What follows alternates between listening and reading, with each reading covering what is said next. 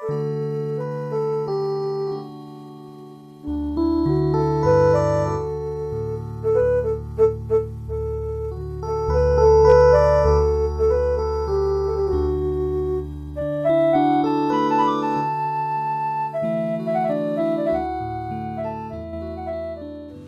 នេះវិទ្យុសំឡេងមេត្រីភាពផ្សាយចេញពីវិទ្យុ Adventist ពិភពលោក នាងខ្ញុំ Erica Pha ហើយខ្ញុំចន Prisley Pha សូមគោរពនិងស្វាគមន៍ចំពោះអស់លោក លោកស្រី និងប្រិយមិត្តអ្នកស្ដាប់ទាំងអស់ជាទីមេត្រីបងប្អូនលោកអ្នកកំពុងស្ដាប់ដំណឹងល្អពីវិទ្យុសំឡេងមេត្រីភាព ដែលផ្សាយចេញជាភាសាខ្មែរមួយថ្ងៃពីរលើកព្រឹកពីម៉ោង6ដល់ម៉ោង6:30នាទី ពេលល្ងាចពីម៉ោង8ដល់ម៉ោង8:30នាទីយប់តាមរលកធាតុអាកាសខ្លី short wave 15150 kHz កម្ពស់19ម៉ែត្រអ្នកស្រីសុនសវណ្ណានឹងជម្រាបជូននៅកម្មវិធីសម្រាប់ថ្ងៃនេះដូចតទៅ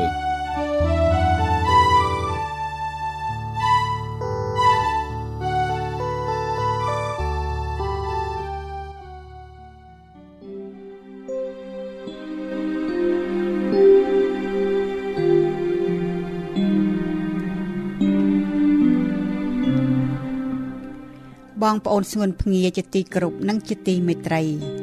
វិទ្យុសំឡេងមេត្រីភាព ជាសំឡេងនៃសេចក្តីសង្ឃឹម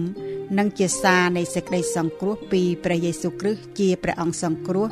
ដែលទ្រង់មានព្រះបន្ទូលមកកាន់យើងរាល់គ្នានៅគ្រប់សម័យកាលព្រះគម្ពីរហូសេចំពុក4ខ6សម្ដែងថារះអញត្រូវបំផ្លាញទៅដោយខ្វះខាតតម្រេះ ឯព្រះគម្ពីរយេរេមៀចំពុក6ខ16សម្ដែងថាព្រះយេហូវ៉ាទ្រង់មានបន្ទូលដូចនេះថា ចូលឲ្យឯងរាល់គ្នាឈរតាមផ្លូវហើយមើលចុះត្រូវឲ្យសួររកផ្លូវចាស់ទាំងប៉ុន្មាន មើលជាមានផ្លូវណាដែលល្អរួចឲ្យដើរតាមផ្លូវនោះចុះនោះឯងរាល់គ្នានឹងបានសេចក្តីសម្រាកដល់ប្រលឹងវត្ថុសំឡេងមេត្រីភាពសូមជូនកម្រងប្រវត្តិសាស្ត្រ នៃថ្ងៃសបាតថ្វាយបង្គំព្រះ និងពួកជំនុំព្រះពីសិភៅថ្ងៃដែលគេស្ទើរតែភ្លេចបាត់ទៅហើយនិពន្ធដោយលោក Mark Finley ប្រែដោយអ្នកស្រីឡៅជីឡាវពិនិត្យកែសម្រួលនិងចែកចាយដោយលោកគ្រូសនសុផាត សូមអញ្ជើញស្ដាប់ដូចតទៅ thank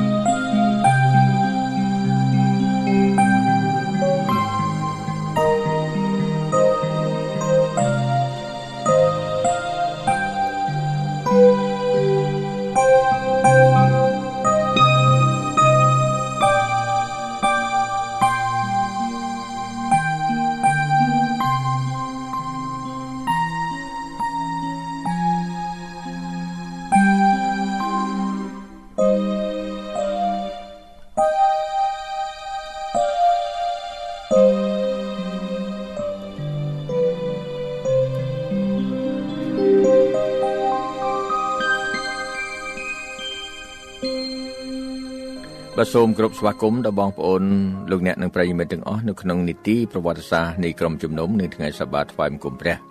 នៅក្នុងការផ្សព្វផ្សាយយើង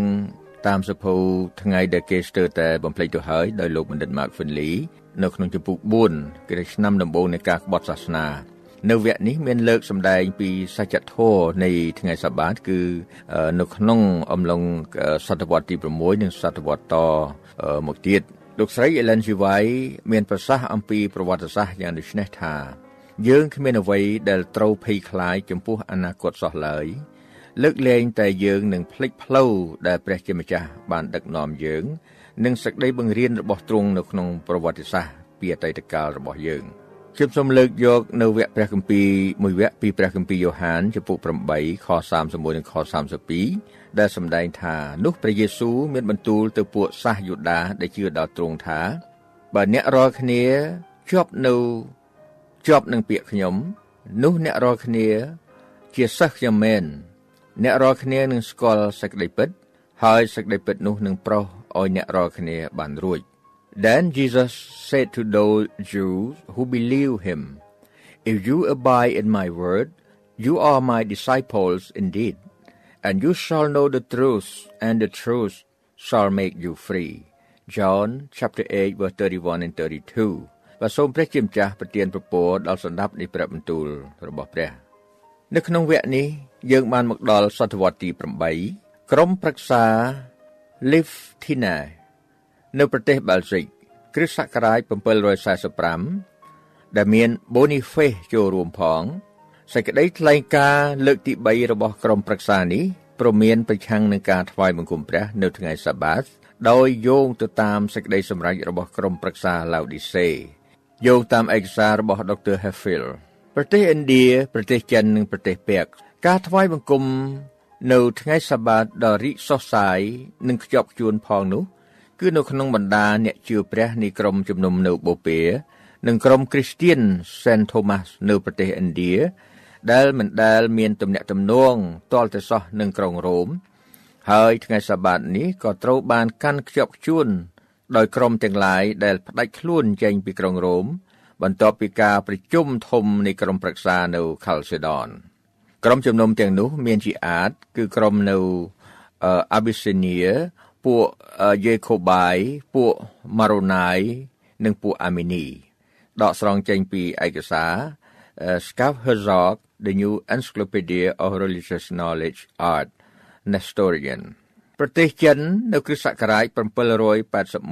781នៅគ្រិស្តសករាជ781នៅក្នុងវិមានដ៏ល្បីល្បាញមួយនៃប្រទេសចិន មានគេចរឹកនៅលើថ្មម៉ាបដែលថ្លែងប្រាប់ពីការរីកចម្រើននៃគ្រិស្តសាសនានៅស្រុកចិននៅសម័យនោះសិលាចារឹកនោះមាន763ពាក្យ ដែលគេជីកយកបានពីដីឡើងនៅគ្រិស្តសករាជ1625នៅក្បែរក្រុង Shangan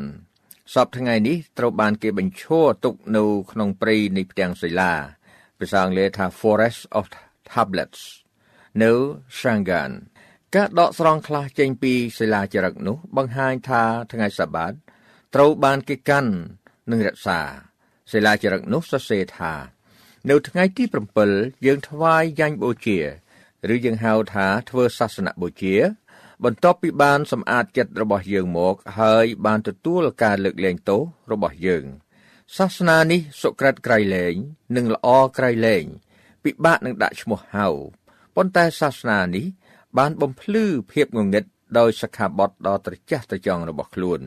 This religion so perfect and so excellent is difficult to name but it enlightens darkness by its brilliant precepts ដកស្រង់ពីឯកសារ Christianity in China នៅវល់ទី1អឺចំពុក2ទំព័រ48និង49នៅសតវត្សទី9នៃគ្រិស្តសករាជប្រទេសប៊ុលហ្គារីប្រទេសប៊ុលហ្គារីនៅដើមដំបូងនៃការផ្សាយសាសនា នោះគេបង្រៀនថាមិនត្រូវធ្វើការងារអ្វីនៅថ្ងៃសបាតដកស្រង់ចេញពីឯកសារ Responsa Nikolai Papawan នៅប្រទេសប៊ុលហ្គារីសម្ដេចប៉ាបនីកូឡៃទី1នៅក្នុងចម្លើយឆ្លើយដល់សម្បត្តិពី Hungary ដែលជាក្សត្រគ្រងរាជមានដូចតទៅចម្លើយទៅនឹងសំណួរទី6គឺការផ្ងត់ទឹកត្រូវអនុញ្ញាតនៅថ្ងៃអាទិត្យហើយចម្លើយទៅនឹងសំណួរទី10គឺថាគេត្រូវឈប់ធ្វើការនៅថ្ងៃអាទិត្យហើយក៏មិនត្រូវធ្វើដែលនៅថ្ងៃសបាតដកស្រង់ពីឯកសារ Hefel um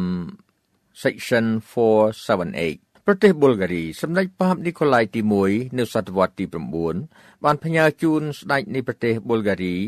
នៅឯកសារដ៏វែងមួយ ដែលសម្ដែងនៅក្នុងនោះថា គេត្រូវឈប់ធ្វើការនៅថ្ងៃអាទិត្យប៉ុន្តែមិនមែនជាថ្ងៃសបាតទេមេដឹកនាំនៃក្រុមជំនុំក្រិចមានការអអន់ចិត្តនៅក្នុងការជ្រៀតជ្រែករបស់សម្ដេចប៉ាបនោះ ហើយក៏បានប្រកាសធ្វើនិខិតនកម្មគឺបណ្ដេញចេញពីក្រមសាសនាដល់សម្ដេចប៉ាបនោះភាសាអង់គ្លេសថា declare the pope excommunicated ដកស្រង់ចេញពីឯកសារ Truth Triumphant ទំព័រ232សតវត្សទី10និងសតវត្សទី11នៃគ្រិស្តសករាជក្រុមជំនុំនៅខាងទិសបូព៌ាគឺ Kurdistan ក្រុម Nestorian មិនទទួលទានសាច់ជ្រូក ហើយកាន់ថ្ងៃសបាតគេមិនជឿលើការសារភាពដោយលឺលឺឬការសម្អាតប្រលឹងនៅទីណាមួយ បន្ទាប់ពីស្លាប់មុនពេលទទួលចូលឋានសួគ៌ They believe in neither auricular confession nor purgatory ដកស្រង់ចេញពីឯកសារ Scaff Herzog The New Encyclopedia of Religious Knowledge Art Nestorian ប្រទេសស្កុតឡែន មានទំនៀមទម្លាប់មួយទៀតរបស់ពួកគេ ដែលគេមិនយកចិត្តទុកដាក់នឹងការគោរពព្រះនៅថ្ងៃនេះព្រះអម្ចាស់ទេ ដោយព្រោះគេដាក់ភក្តីភាពរបស់គេ ទៅលើកិច្ចការផង ខាងផ្លូវលោកីនៅថ្ងៃនោះដោយដែលគេធ្វើនៅថ្ងៃឯទៀតដែរដែលការនេះវាផ្ទុយទៅនឹងបញ្ញត្តិច្បាប់នោះម្ចាស់ស្ត្រី Margaret បានបង្ហាញផុសតាងដល់គេទាំងខាងវិចារណញ្ញាណក៏ដូចជាទាំងខាងអញ្ញាផងដែរម្ចាស់ស្ត្រីបានមានប្រសាសន៍ថាចូលយើងគោរពថ្វាយបង្គំនៅថ្ងៃនេះព្រះអម្ចាស់ពីព្រោះជាថ្ងៃដែលព្រះជាម្ចាស់មានប្រជញ្ញរស់ឡើងវិញ ហើយចូលយើងឈប់ធ្វើការបែបជាទេសៈនៅថ្ងៃនោះទៀតហើយចូលចងចាំក្នុងចិត្តថា គឺនៅថ្ងៃនោះដែលយើងបានត្រូវប្រោះលោះពីទេសភាពនេះសាតាំង សម្ដេចប៉ាប Gregory ដ៏មានពរក៏បានថ្លែងដូចគ្នានេះដែរដកស្រង់ចេញពីឯកសារ Life of Saint Margaret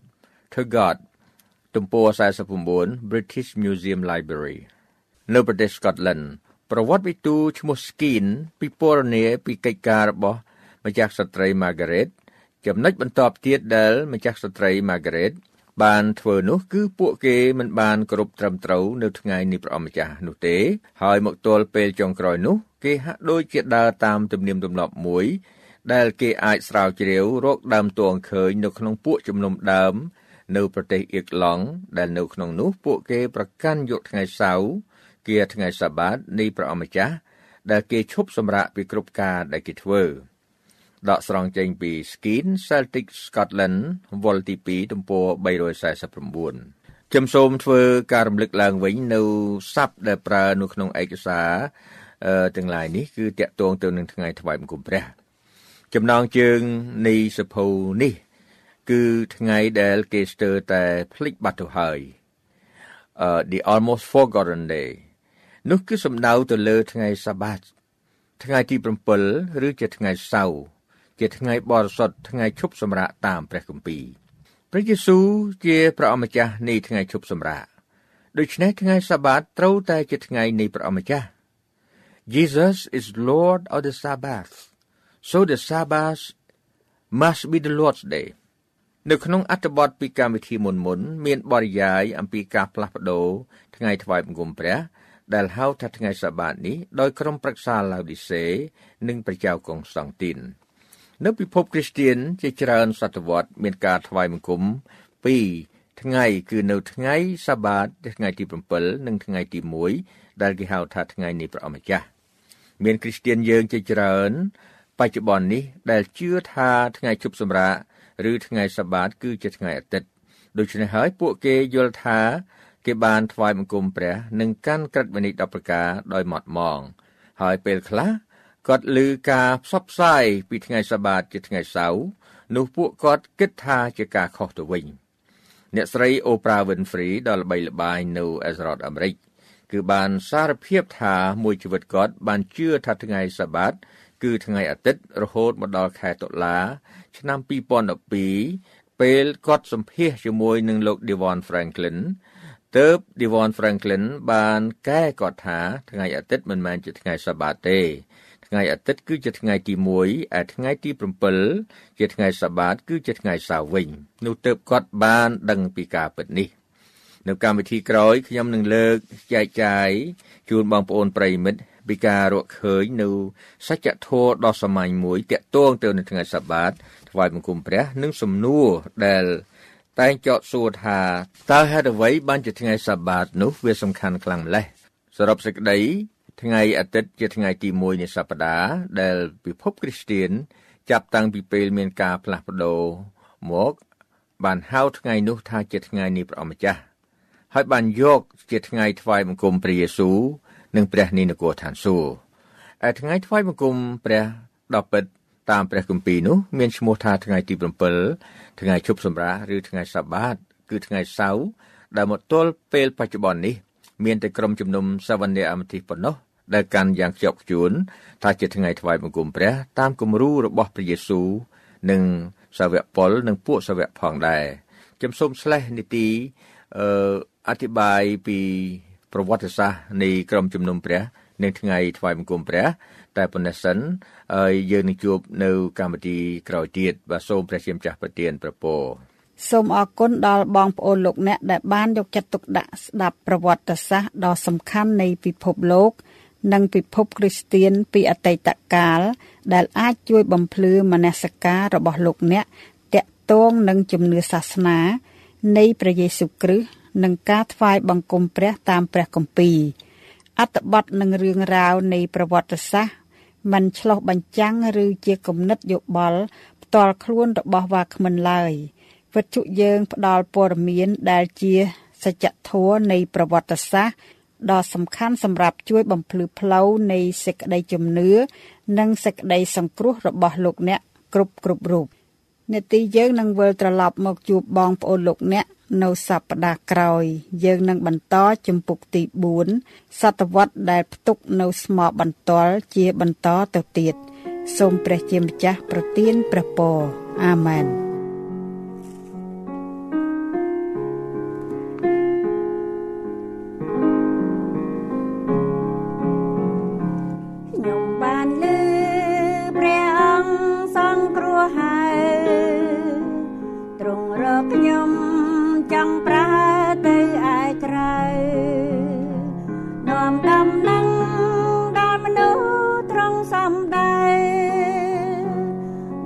ប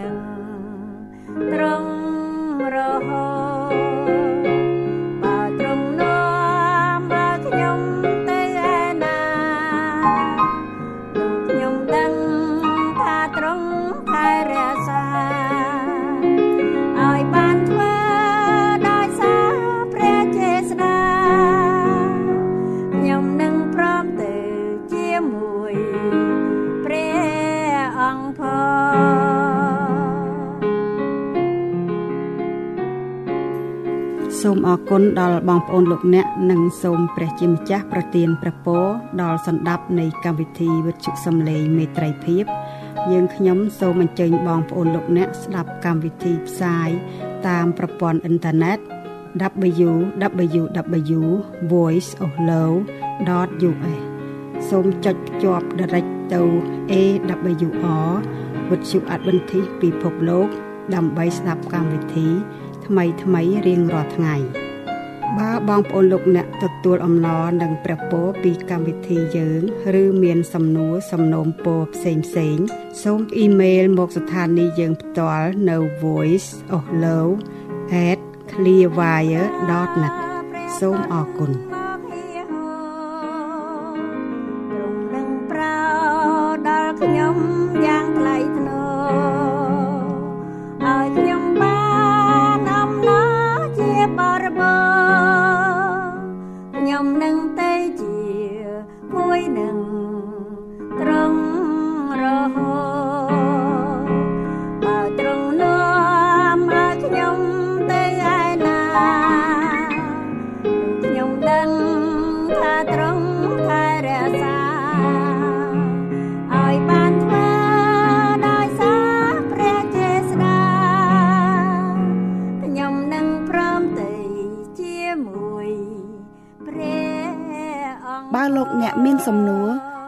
រឬសំណូមពរផ្សេងផ្សេងឬចង់ដឹងពីក្រុមជំនុំដែលនៅជិតសូមតាក់ទងមកការិយាល័យវិទ្យុសំឡេងមេត្រីភាព តាមទូរស័ព្ទលេខ012 34 96 64ឬអ៊ីមែលទៅ vol@awr.org ទ្រង់មានព្រះហាប្រតិស្មងត្រង់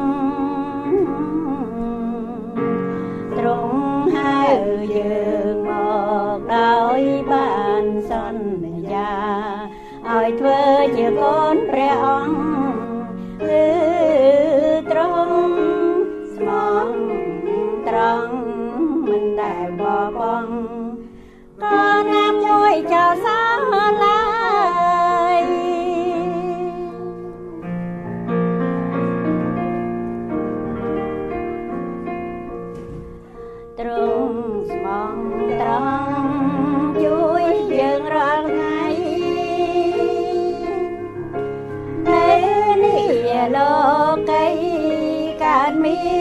មានសេចក្តីល្បួងមិនស្បាយជាប់មានទុំរួយបៀតបៀនខ្វាំងខានទ្រង់មិនធ្វើកាន់តាយតែ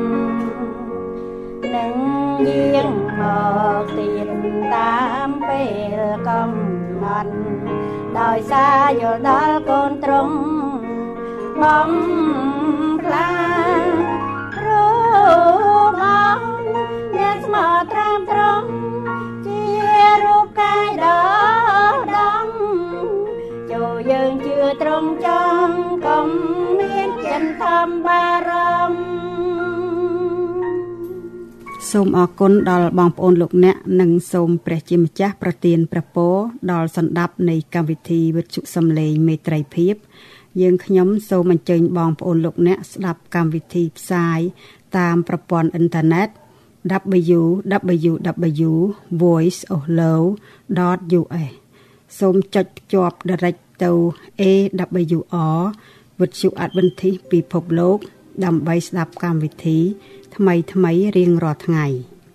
បើបងប្អូនលោកអ្នកទទួលអំណរនិងព្រះពរពីកម្មវិធីយើង ឬមានសំណួរសំណូមពរផ្សេងផ្សេងសូមអ៊ីមែលមកស្ថានីយ៍យើងផ្ទាល់នៅ voice.ohlow@clearwire.net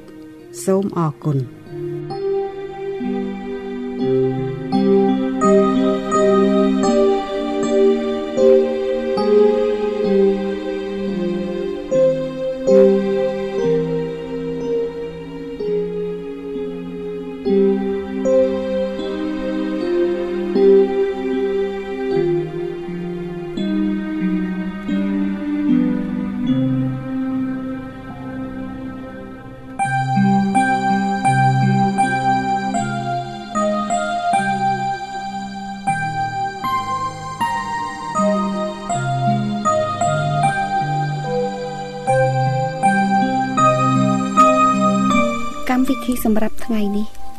ប៉ុណ្ណេះវិទ្យុយើងសូមថ្លែងអំណរគុណជាអតិបរមា ចំពោះការយកចិត្តទុកដាក់ស្ដាប់ របស់អស់លោកអ្នកនាង សូមព្រះជាម្ចាស់នៃមេត្រីភាព ប្រោះប្រទានព្រះពរគឺសេចក្តីសុខសន្តិភាព អំណរនិងសុភមង្គលជានិច្ចនិរន្តរ៍តរៀងទៅសួស្តី